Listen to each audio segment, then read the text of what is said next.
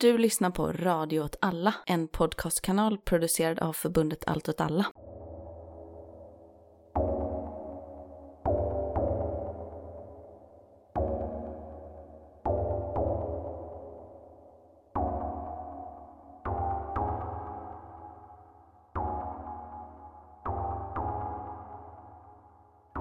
Och välkomna till Eld rörelse med mig Martin Hansson och tyvärr inte med Myran Insektsnamn eftersom att han hade viktigare saker att göra idag. Det får vi anta är en, en dejt eller någonting. Eller att han skulle kladda lite på ett papper på sin framtida serietecknarkarriär. Istället så har jag även denna vecka en gäst med mig och det är eh, jurist Miran. Jag heter Miran Kaki. Jag jobbar som jurist på Frida advokatbyrå i Göteborg. Precis. Och ja, hur är det med dig? Hur har du sovit? Det är ju ändå en, en vanlig fråga i den här podden. Jag har sovit jättedåligt den senaste veckan och, och, nu blir det så att det första som jag säger i den här podden är att jag är pollenallergiker men ja, så får det vara. Så jag har inte sovit så bra. Och jag är förkyld men det kanske inte ni märker för ni har aldrig pratat med mig tidigare. Men i övrigt så mår jag jättebra. Du mår bra i övrigt, du har bara sovit dåligt på grund av pollen. Men pollen är verkligen ett jävla pest alltså. Ja, det suger. Kanske också direkt nödvändig för, för vår arts överlevnad. Men ändå eh, fruktansvärd eh, företeelse. Du är hemmahörande i Göteborg. Ja, det stämmer. Och eh, bakgrunden till det här samtalet är ju egentligen att eh, jag sträckte ut mig, eller sträckte ut mig, så säger man inte. Jag eh, kontaktade dig för att jag vet att du har företräder personer som är inblandade i de här eh, utvisningsärendena, så heter det va? Mm, det stämmer. Ärenden om uppehållstillstånd med mera. Precis, som är, som är riktade mot framförallt eh, kurder med kopplingar till den kurdiska rörelsen i Turkiet eller i Syrien. Det stämmer och just utvisningsärenden, eh, där är det framförallt kurder men det kan också vara turkar eh, från Turkiet då, eh, som har kopplingar till den kurdiska rörelsen eller till vänsterrörelsen generellt där. Sen i förhållande till Syrien så förekommer utvisningsärenden där också men där är det framförallt medborgarskapsärenden som jag har jobbat med. Okej, ja det var ju klantigt uttryckt av men självklart är det ju en, en del turkar också som ingår i samma vad ska man säga, hetsjakt eller eh, ja, förföljelse är väl känslan man får när man läser. För det här grundar sig någonstans på de artiklarna som ETC har skrivit som rör ett par fall. De som kanske är mer, eller det fallet som kanske är mest eh, spritt är väl det om Sosan, heter, heter hon så? Ja precis, Suzan Büyük, hon eh, är ju kurd ursprungligen från Turkiet men också hon har ju medborgarskap i Belgien där hon hade bott sedan hon var väldigt ung tror jag. Och sen sökte hon uppehållstillstånd i Sverige men fick det nekat på grund av att hon ansågs vara ett hot mot rikets säkerhet enligt Säpo. Precis. Och det är ett väldigt liksom, extraordinärt fall på det sättet att hon just är då belgisk medborgare också. Och därför liksom EU-medborgare. Vad, vad innebär det i praktiken att man som belgisk medborgare inte får uppehållstillstånd i Sverige? Jag, jag satt och funderade på det när jag läste artiklarna. Så, alltså om du för hon är ju fortfarande EU-medborgare. Ja, precis. Alltså det som det här innebär i praktiken, alltså just i det fallet är att hon inte kan utnyttja sin rätt till fri rörlighet som hon har enligt EU-stadgan. Så, så, det är en begränsning i hennes rättigheter kan man ju säga. Men, eh, men hon har ju också varit i Sverige i över nu vet jag inte exakt hur många år, men kanske fem år var det, mm. innan det här hände och då vistades hon ju här lagligen. Sen när hon väl ansökte om en permanent rätt att vistas här, dels på grund av EU-rätten men också enligt svensk lagstiftning så fick hon ju då nej. Men i grund och botten så är det ju en begränsning av hennes rörelsefrihet. Och det fallet, det, det man reagerar på när man läser fallet om, är ju att när vi pratar om de kurdiska rörelserna pratar om den kurdiska rörelsen i Turkiet eller i Syrien, så i Sosans fall så om man tittar på de frågor man har kunnat få ut om vad Säpo har frågat henne om, så rör det bland annat hennes engagemang i HDP, vilket ju verkligen känns liksom extraordinärt vid tanke på vad HDP är för någonting. Om man ska stanna där, skulle, känner du dig trygg med att ge en beskrivning om HDP? Eller ska jag... Kör, kör du så kanske jag eventuellt fyller på om det skulle behövas, men det tror jag inte. HDP kan väl jag tror namnet betyder typ eh, Folkens demokratiska parti i, i Turkiet. Eller Folkens demokratiska parti. Men det här är ett turkiskt parti. Som är representerade i, i, i parlamentet, alltså i nationalförsamlingen. Och partiet är på något sätt, beskrivs ju som ett vänsteroppositionellt parti eh, gentemot AKP. Det är alltså Erdogans parti. Och de har väl lyckats samla många av de liksom minoritetsfolk, om man kan uttrycka det på det sättet, som existerar inne i, liksom, i Turkiet. Och även om vi förknippar det väldigt mycket med som ett kurdiskt parti när man pratar om det i Sverige, så i andra delar av Turkiet så är det ett parti som är drivet av andra minoritetsgrupper. Och partiets liksom stora frågor har ju varit ganska klassiska socialistiska eller så här gröna liksom klimatrörelsefrågor. Liksom mänskliga rättigheter, etniska minoriteters rättigheter, hbtq-frågor, men också liksom generella ekonomiska eh, vänsterfrågor. Och de har väl för, liksom, i de olika valen så har de väl liksom landat strax över 10 procent. Något sånt. Låter det som en rimlig beskrivning av HDP? Ja, det låter som en uh, jättebra beskrivning. De är väl Turkiets tredje största parti enligt det senaste resultatet om jag inte minns fel. Så det är ett... Just det, efter det liksom konservativa, eller vad man ska beskriva dem, och uh, AKP då. Just det. För visst är det så att det är AKP och sen är det liksom... DHP. Ja, som är, känns väl mer som ett så sekulärt konservativt parti, eller om man skulle beskriva dem i någon turkisk kontext. Ja, precis, det är väl så de beskrivs. Och HDP är ju idag väldigt hårt ansatta i Turkiet. Erdogan har ju drivit den från att AKP tidigt framstod som en typ av fredsmäklare i den, ja, i den liksom, försöket att ena Turkiet eh, i konflikt med de här då juntorna och liknande som har, har, har styrt i, i Turkiet så drev ju AKP formellt bland annat fram en vapenvila med PKK Eh, man öppnade upp för mer kurdiska rättigheter. HDP uppstår liksom på något sätt i den, det politiska klimatet. Men sen när HDP börjar skina ganska stora framgångar i valen så vänds liksom den, det förhållningssättet från Erdogans eh, regering till att börja slå ner hårt på HDP. Och den senaste tiden så är det ju liksom, känns det som att man läser om fängslandet av HDP-politiker och liksom borgmästare i städer som tas bort som är HDP-kopplade för att istället liksom tillsättas av någon teknokrat eller någon person som är kopplad till AKP istället. Så det är uppenbart att Erdogan uppfattar HDP som ett hot eh, i Turkiet på något sätt. Men såsan då, eller i de här ärendena, så verkar liksom, HDP är ju en sak man, man ställer frågor om. Men sen såklart då PKK och PUD, eller PYD då som man brukar säga. Och av de här organisationerna, eller liksom strukturerna som de frågar ut om så är, det ju, är ju PKK den som är utpekad som en, en terrororganisation. Är det på den grunden som när liksom Säpo pratar om att de utgör ett hot, är det så konkret som att man pratar om kopplingar till PKK när man ger de här avslagen? Eller hur ser liksom resonemanget från Säpo ut? Mm.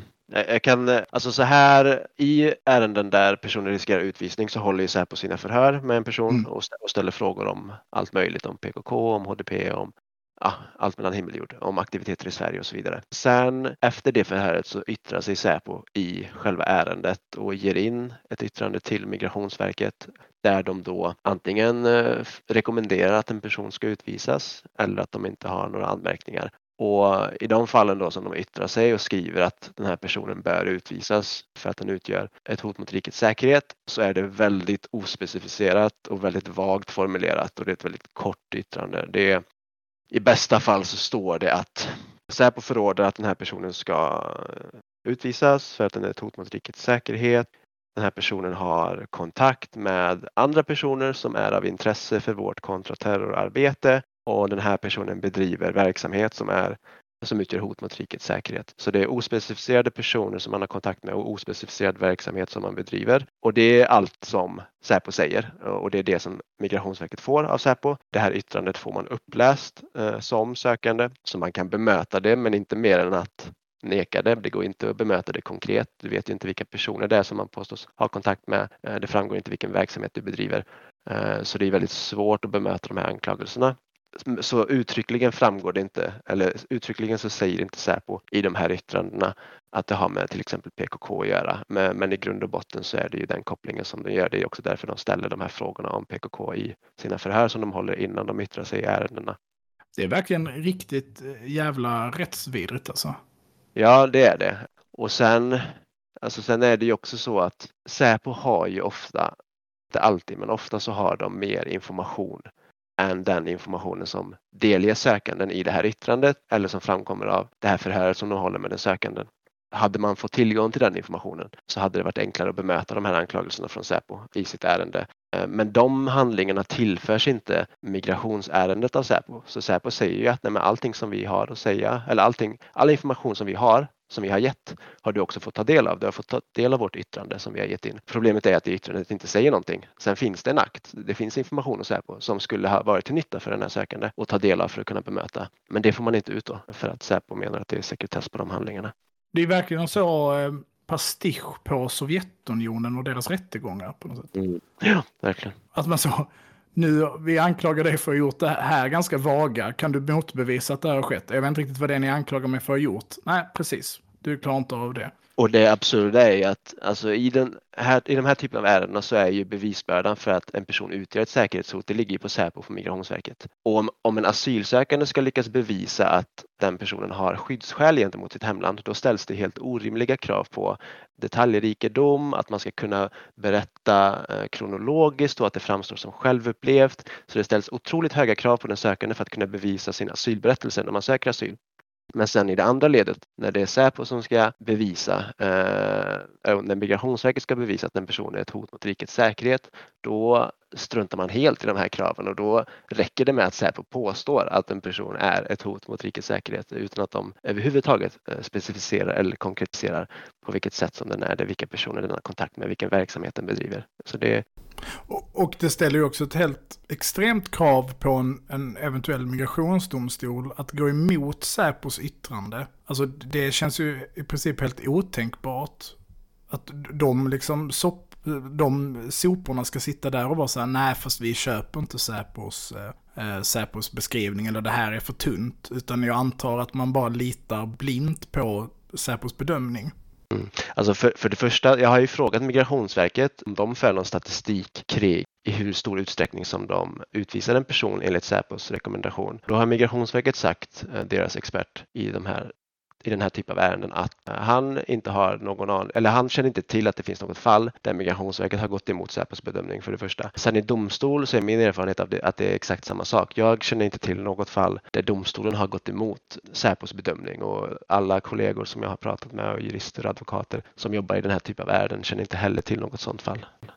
Men det är så konstigt om du på något sätt ska stå till svars för det här. Men, men, men, det som man också spontant reagerar på när man läser, läser om det är ju hur det också på något, alltså inte bara att det är liksom att Säpo driver den här linjen och bedömer det här. Jag vet inte heller vilken terrorverksamhet det är de syftar på. Jag är ganska eh, beläst när det kommer till, eller ganska väl inläst på när det kommer till terrorism. Jag känner inte till något fall av kunna beskrivas som liksom eh, PKK-kopplad terrorism i Sverige som skulle utgöra ett hot mot, mot eh, liksom, Sveriges grundlag eller Sveriges institutioner. Det är också så att alltså är, man kan ju ofta hävda att, det, att man har liksom moralisk rätt men att samhället på något sätt har en, en annan åsikt. Men att gå ut och fråga gemene man i Sverige om de anser att det är rimligt att man utvisar politiska aktivister till Turkiet så, så, skulle jag våga hävda att det råder i princip konsensus i Sverige på att det skulle vara förkastligt. Alltså bland gemene man. Att säga Erdogan vill ha hem de här personerna för att de utgör ett hot mot, mot Erdogan. Är det, är, det, är det rimligt att skicka tillbaka är det rimligt att skicka tillbaka de här till tortyrliknande förhållanden? Så är det ju en försvinnande liten minoritet i Sverige som skulle tycka att det var rimligt. Så jag förstår inte liksom, vem är det, liksom, vem är det som driver den här linjen? Mm. Ja, det är en jättebra fråga och, och samma sak med medborgarskapsärenden. Om du frågar gemene man så är det ju så är det ingen som skulle tycka det är rimligt att vi nekar medborgarskap till människor som har stridit mot IS i Syrien. Nej, precis. Så ja, det, det, jag, jag kan inte förstå det och Migrationsverkets expert i, i den här typen av ärenden gick ut i, eller pratade i media igår eller vad det var i SR förklarade att ah, moral och svensk lagstiftning det är två helt olika saker mm. och det, det, är det ju verkligen den här typen av ärenden. Men samtidigt så är det inte så självklart att lagstiftningen säger att det ska gå till på det här sättet. Jag hade inte gått ut och sagt med den självklarheten att svensk lag säger så här och det är så här det ska gå till. Det finns absolut utrymme enligt svensk lag att döma eller besluta annorlunda i den här typen av ärendena. Ja, jag, jag, på tal om media så, så, läste jag, eller hörde Ekot när de rapporterade om, de hade gett um, anledning till, till nekande, nekade uppehållstillstånd. Och då var det med personer med koppling till alltså, den kurdiska rörelsen i Syrien. Och då hade en av, en av anledningarna varit eh, uh, SDF hade begått systematiska övergrepp under eh, inbördes, inbördeskriget i Syrien. Och det är liksom ett så himla, himla märkligt påstående. Um, så jag, jag tog och började rota i lite vad, vad det här kunde liksom grunda sig på. Ekot själva rapporterade om då FN-organet OH, FN-organet OHHCR. Inte en så snygg förkortning. Och um, det finns ju även den här Amnesty-rapporten. Den är rätt gammal nu. Den måste vara från 2015 tror jag, eller 2016. Ja. Yeah. Där man, där man tittar på det. Och de, de systematiska övergrepp som FN då i sin tur rapporterar om, det rör sig alltså om ungefär fyra påstådda tortyrfall om året. Mm.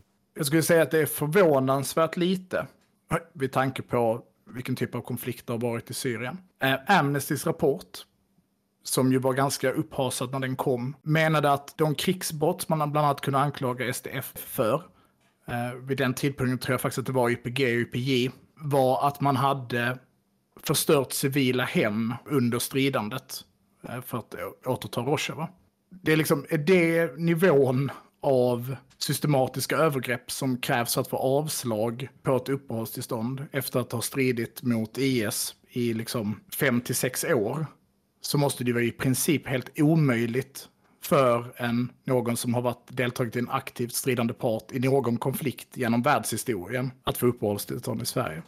Jag ska bara eh, nämna snabbt att just den typ av ärenden, eller just i förhållande till Syrien och det som rapporterades om Ekot så var det fråga om medborgarskap då. Det var det? Ja, det var medborgarskap. Men precis som du säger, är det så, eller eh, så som juridiken är formulerad, det är att om man kan visa, eller om man har varit verksam i en organisation som har begått systematiska, omfattande och grova övergrepp såsom tortyr, mord och utomrättsliga avrättningar så kan man då nekas medborgarskap och det kan man då inte få förrän det har passerat 25 år från att man lämnade organisationen. Och Migrationsverkets officiella bedömning är att ja, men SDF, PG och IPJ och PYD är sådana organisationer som omfattas av det här och, och, precis som du säger, eller alltså tröskeln är ju extremt hög. När man hör eh, formuleringen grova, systematiska, mm. omfattande övergrepp, då tänker man ju på den ja, men, syriska armén, IS, al-Nusra och så vidare. Och de här rapporterna som du nämner, som du säger, cirka fyra fall av tortyr per år de senaste tio åren. Och det är, klart, det är såklart allvarligt varje gång det sker en människorättskränkning. Men om vi ska jämföra med de andra aktörerna i kriget, om vi ska jämföra med många västerländska stater så är det en extremt liten siffra. Som ändå någon typ av kunnig person om krig. För att nämna något krig genom världshistorien. Alltså, jag, jag kan inte föreställa mig ett krig där det skulle ha skett mindre än fyra, utförts mindre än fyra alltså förhör med djup, eh, djupa förhörsmetoder i, i historien. Mm. Jag vet inte vilket krig det skulle vara där man skulle komma under den siffran. Nej, men det är som du säger, det är extremt litet och många av de här Alltså tortyr är en väldigt allvarlig människorättskränkning men det är inte alltid heller att man blir att man får en elstöt eller någonting sånt utan det kan ju också vara att förhållandena där man är frihetsberövad är så pass mm. illa att det når upp till tortyr. Och många av de här fallen där sån typ av tortyr har förekommit det är ju de här fallen där vi har IS-fångar från andra länder eh, som är frihetsberövade i norra Syrien och där administrationen gång på gång har upprepat att vi har inte resurser eller kapacitet för att hålla de här frihetsberövade. De här personernas hemländer måste ta sitt ansvar och repatriera dem för vi kan inte mm. garantera att de får liksom drägliga förhållanden här eller att de får en rättegång inom en snar framtid. Och det är den, i den kontexten som de här människorättskränkningarna också uppstår. Det måste man ju också beakta. Självklart. Men alltså, det, det innebär att om man skulle göra människor lika inför lagen så skulle alltså ingen person som har gjort värnplikt i Israels armé kunna få medborgarskap i Sverige. Mm. Ingen mm. som har gjort värnplikt i den syriska armén för medborgar, medborgarskap i Sverige. I den amerikanska, i den brittiska, i den franska, i den ryska, i den tyska. Alltså det, det, det är ju verkligen vilka andra organisationer ställs under den här liksom, luppen? Eller jag vet inte hur vanligt förekommande det är att man, att man ger avslag på medborgarskap under den premissen, mer än när det rör personer där man liksom har en, kanske då en konkret brottsmisstanke, eller liksom den här personen har ingått i förband som har gjort eh, människorättskränkningar till exempel.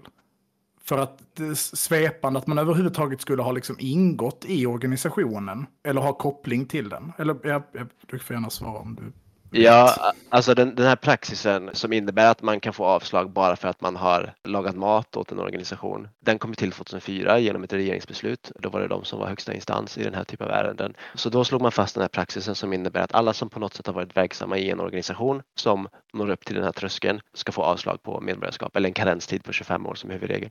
Så som utgångspunkt så gäller den principen alla typer av medborgarskapsärenden där man kan visa att en person har varit med i en sån organisation. I praktiken så är det såklart bara vissa länder och vissa organisationer som, det här, som omfattas av den här eh, praxisen. Och det är i hög utsträckning organisationer från Syrien, Mellanöstern, så, så, vi ser ju inte den här, de här typen av avslag i, för personer som har varit med i den amerikanska armén eller som har gjort värnplikt i Nej, nej, det skulle ju vara...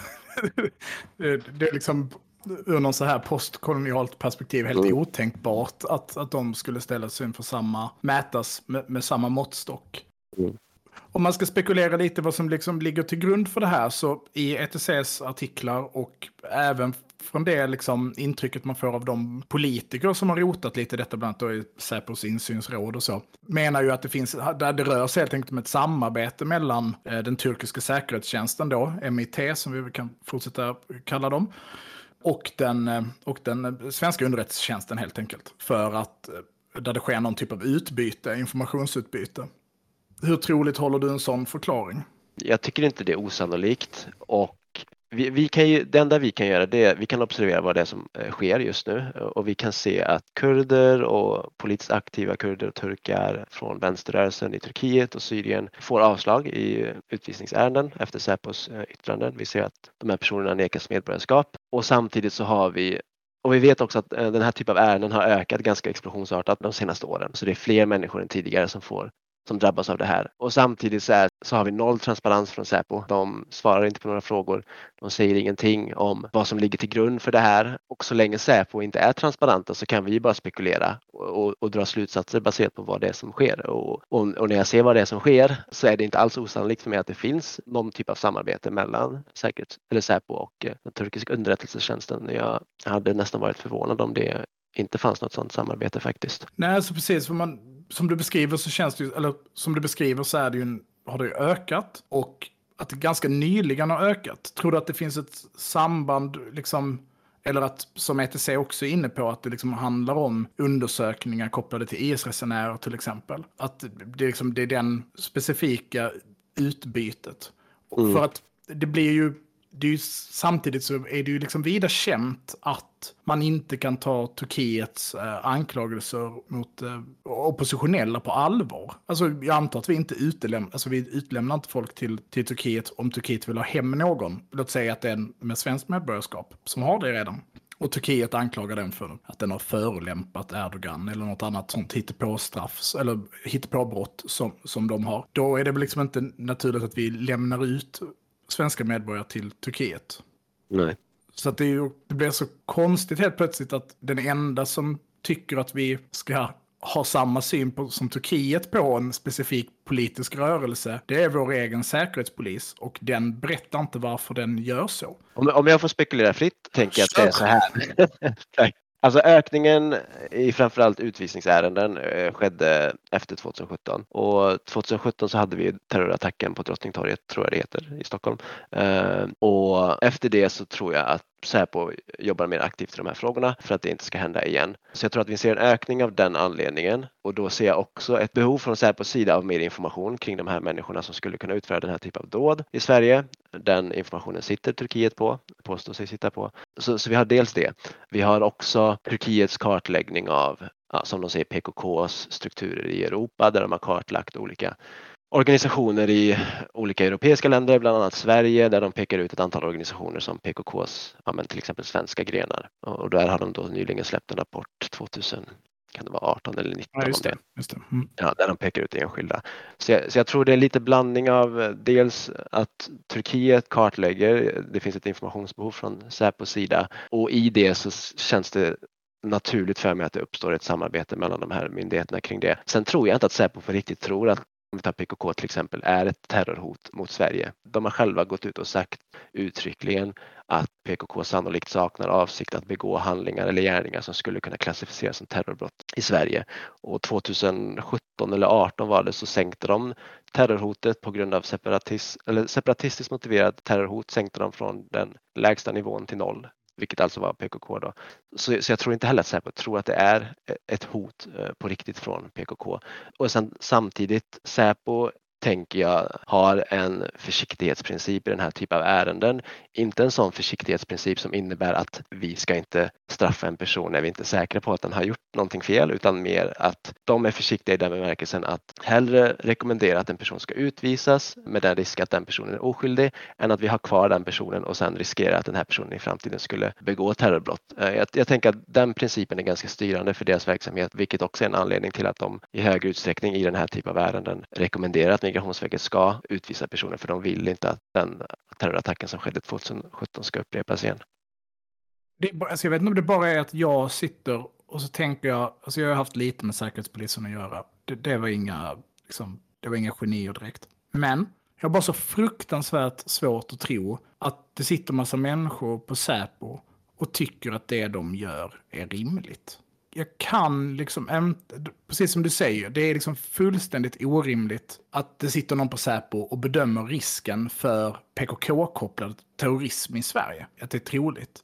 Och att blidka Erdogan eller blidka AKP när Säpo måste vara högst införstådda med att AKP är direkt kopplad till mycket av den terrorism som har skett i ja, Europa. Jag skulle absolut inte koppla dem till det som skedde på Drottninggatan. Men det som har skett i Europa. Alltså där man kan se uppbyggnaden av, av Nusra då till exempel, eller HTS som de kallar sig idag, som ju är direkt belagt. Det är liksom ingen fråga. Turkiet var med och byggde upp Nusra, beväpnade den och stora delar av Nusra, eh, när splittringen kom, blev Islamiska staten samarbetet mellan den turkiska säkerhetstjänsten och eh, jihadister i Syrien är liksom välbelagt på en rad olika punkter, bland annat hur man ger medicinsk vård till, till eh, skadade kombatanter för Islamiska staten för att de sen ska kunna återvända in i Syrien och så vidare. Det här måste ju de på Säpo någonstans fatta.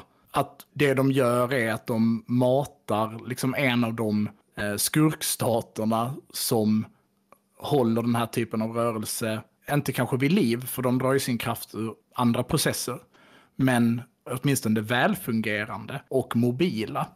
Nej, men jag håller helt med. Och nu när vi ändå tog upp det här med att vi inte egentligen tror att Säpo tycker att PKK är ett terrorhot mot Sverige så tänker jag på att vi har ju den här lagen om särskild utlänningskontroll. Det är en lagstiftning som används mot personer som redan har en rätt att vistas Sverige och det går till som så att Säpo ansöker hos Migrationsverket om att en person ska utvisas från Sverige och få sitt uppehållstillstånd upphävt för att den utgör ett hot mot rikets säkerhet. Och det har ju varit ganska uppmärksammat i media när den lagen användes mot de så kallade Gävleimamen. Ja, precis. Det var väl en sex personer där som mm. omfattades av det. Och sen var det ett fall där det också användes mot en nazist ganska nyligen. Mm, just det. Men vad jag vet så har den lagen inte använts mot politiskt aktiva kurder eller turkar eller vänsterpersoner. Även om det kan vara så att den här lagen kom till på 80-talet just på grund av PKK. Men jag känner, inget, känner inte till några fall där det har använts mot kurder. Och det tycker jag är intressant för att om Säpo verkligen tycker att de här personerna är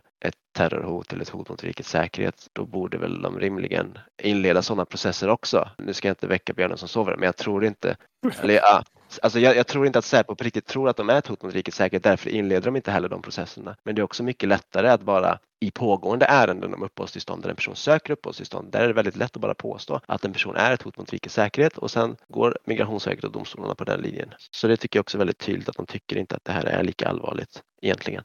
Nej, det är ju helt befängt. Alltså vadå, det närmsta jag kan tänka på ett kopplat terrorattentat är ju när turkiska säkerhetstjänsten mördar de här kvinnorna i Paris.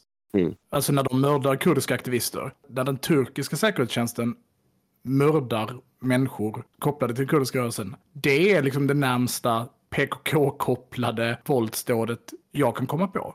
Jag vet inte, har du några exempel på europeisk terrorism kopplat till PKK som har skett i samtid? Liksom? Inte i samtid, nej, nej absolut inte. Det kan finnas, jag känner inte till specifika exempel, det kan finnas exempel från tidigt 80-tal, 90-tal, mm. men absolut ingenting efter det. Och det är också därför som Säpo har uttryckligen ändrat sin bedömning kring PKK. Men deras rättstillämpning har inte hängt med. Nej, och, och då dansar man runt den här frågan som het gröt. Liksom. Och det är ju diskussionen om PKK som en terrororganisation överhuvudtaget. Mm.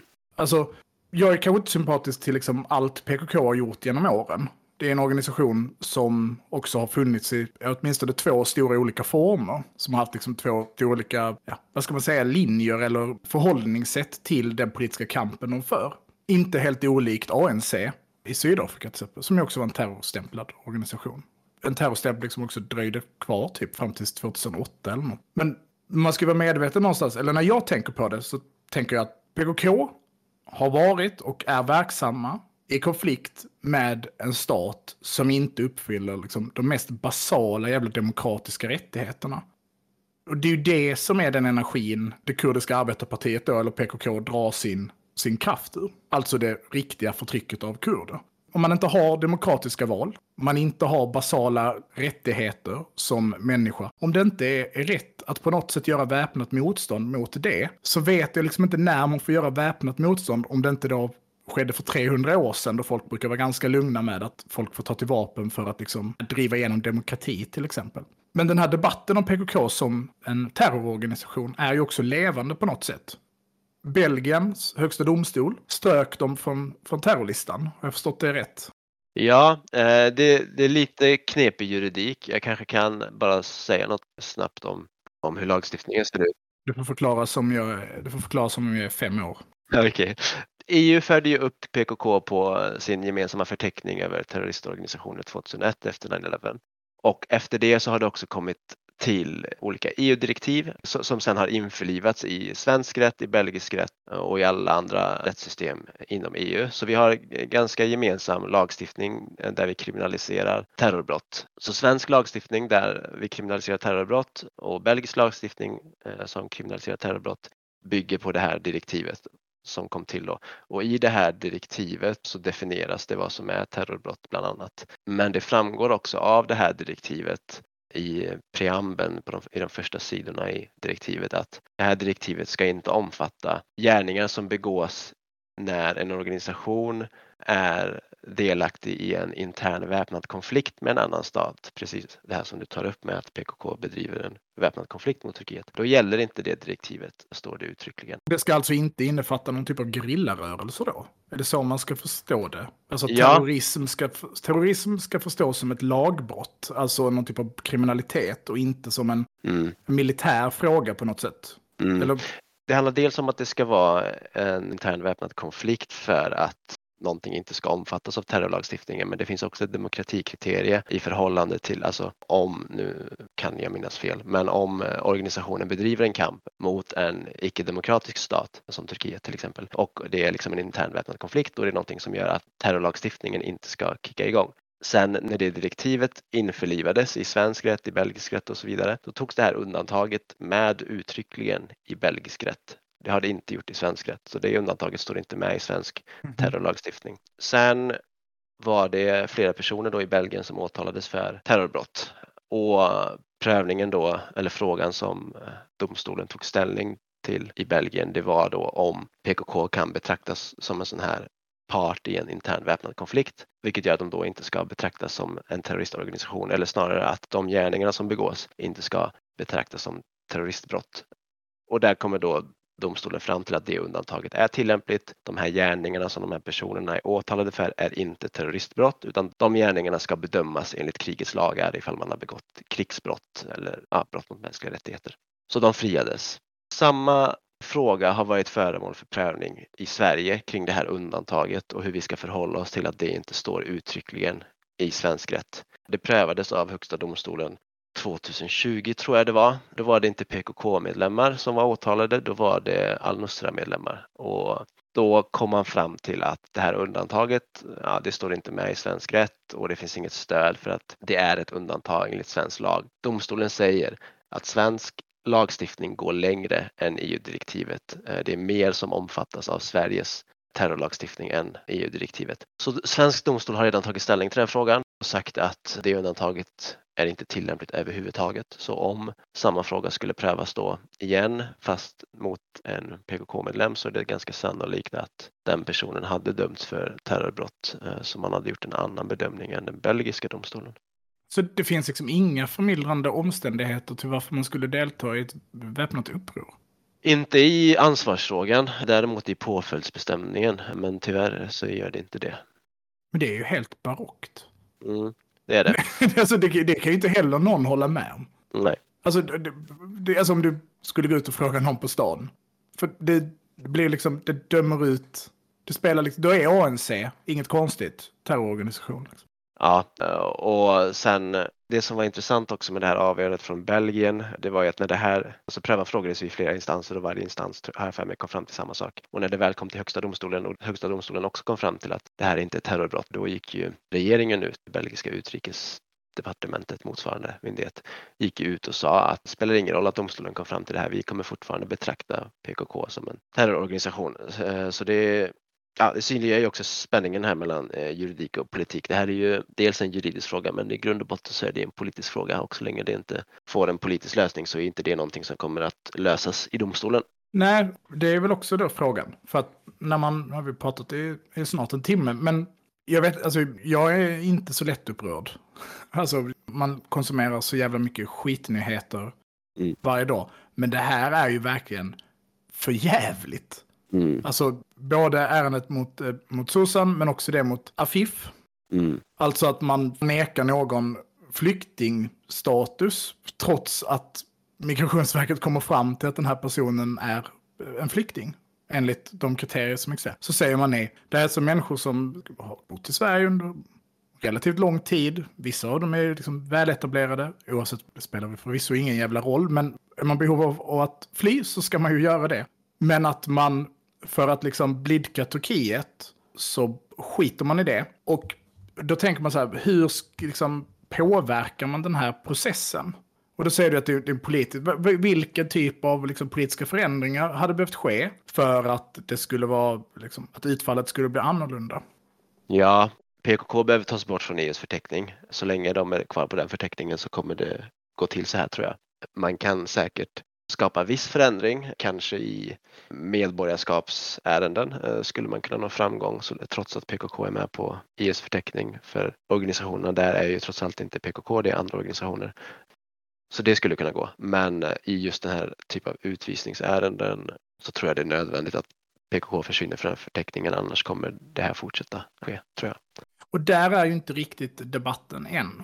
Nej. Alltså det är väl några jag vill minnas att jag har läst någon vänsterpartist, och kanske någon folkpartist också, som har varit och nosat på den debatten. Mm. Men eh, det känns ju ganska främmande. Alltså när man gör den, men, men de här eh, medborgarskaps... Eh, de menar du att de skulle man kunna nå någon typ av framgång utan EUs lista då? Vad hade krävts för att det skulle...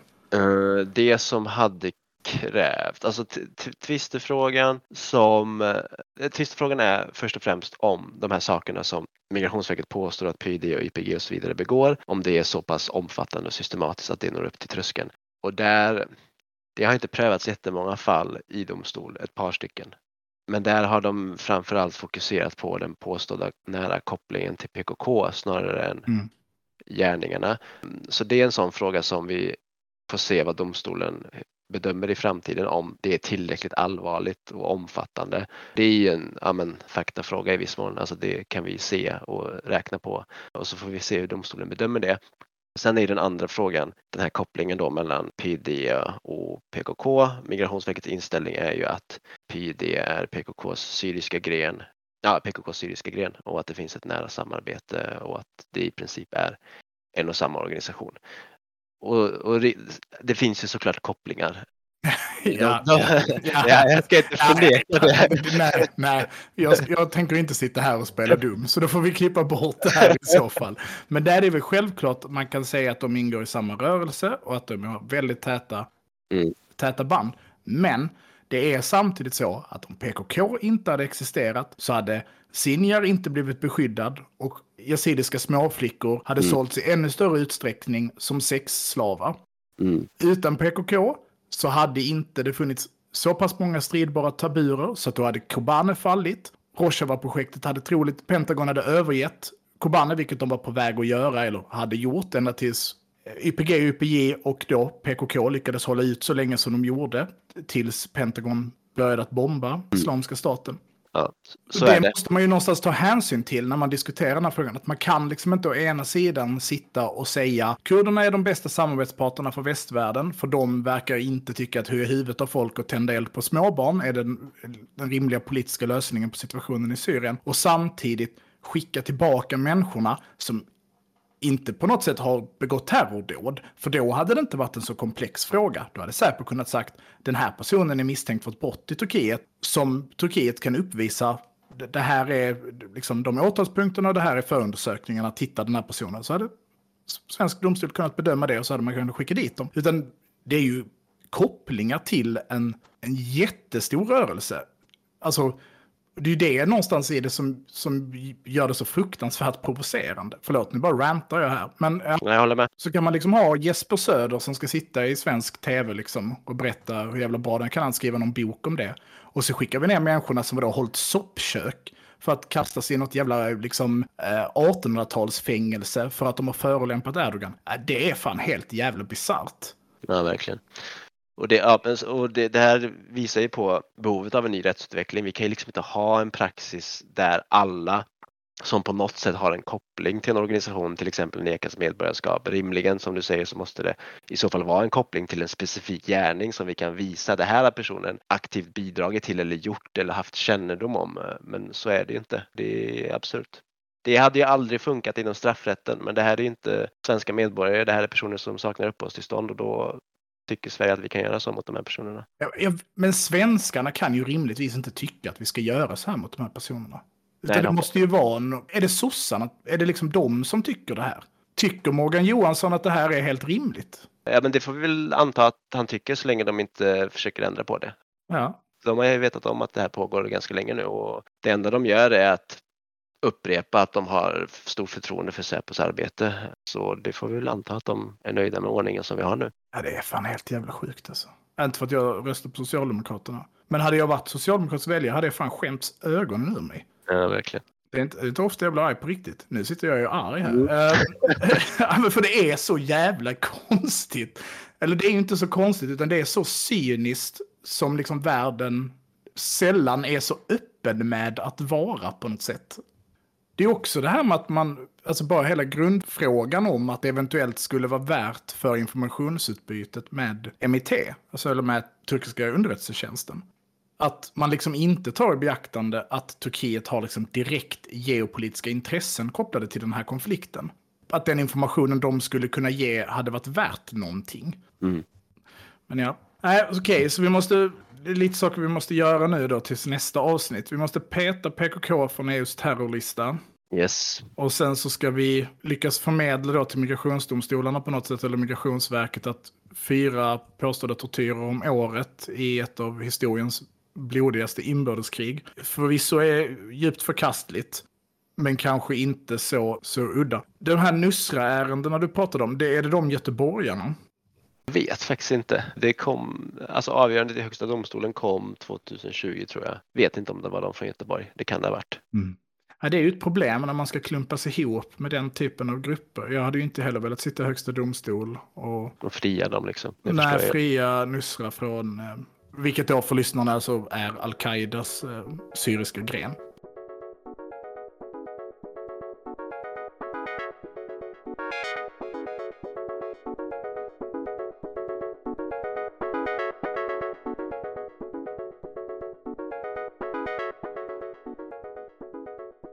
Där får vi ta och avrunda för idag. Eh, tack så jättemycket för att ni har lyssnat. Man kan eh, följa mig på Twitter, där heter jag Trojkan1337. Man kan följa vår Instagram, den heter eld.och.rörelse.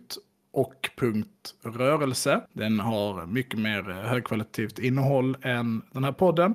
Och eh, vi vill ju ge ett stort tack till eh, pastorn som ska hjälpa till och eh, klippa det här avsnittet och förhoppningsvis eh, lyckas bli en integrerad del av podden och eh, någon vi då kan kalla en producent på något sätt. Och tack eh, Miran jättemycket för att du har varit med. Tack själv. Och har du något du vill göra reklam för? Mer än din advokatbyrå? Jag tror inte det. Nej, jag kommer faktiskt inte på någonting, tyvärr. Man kan inte följa det någonstans, man kan inte läsa vad du skriver.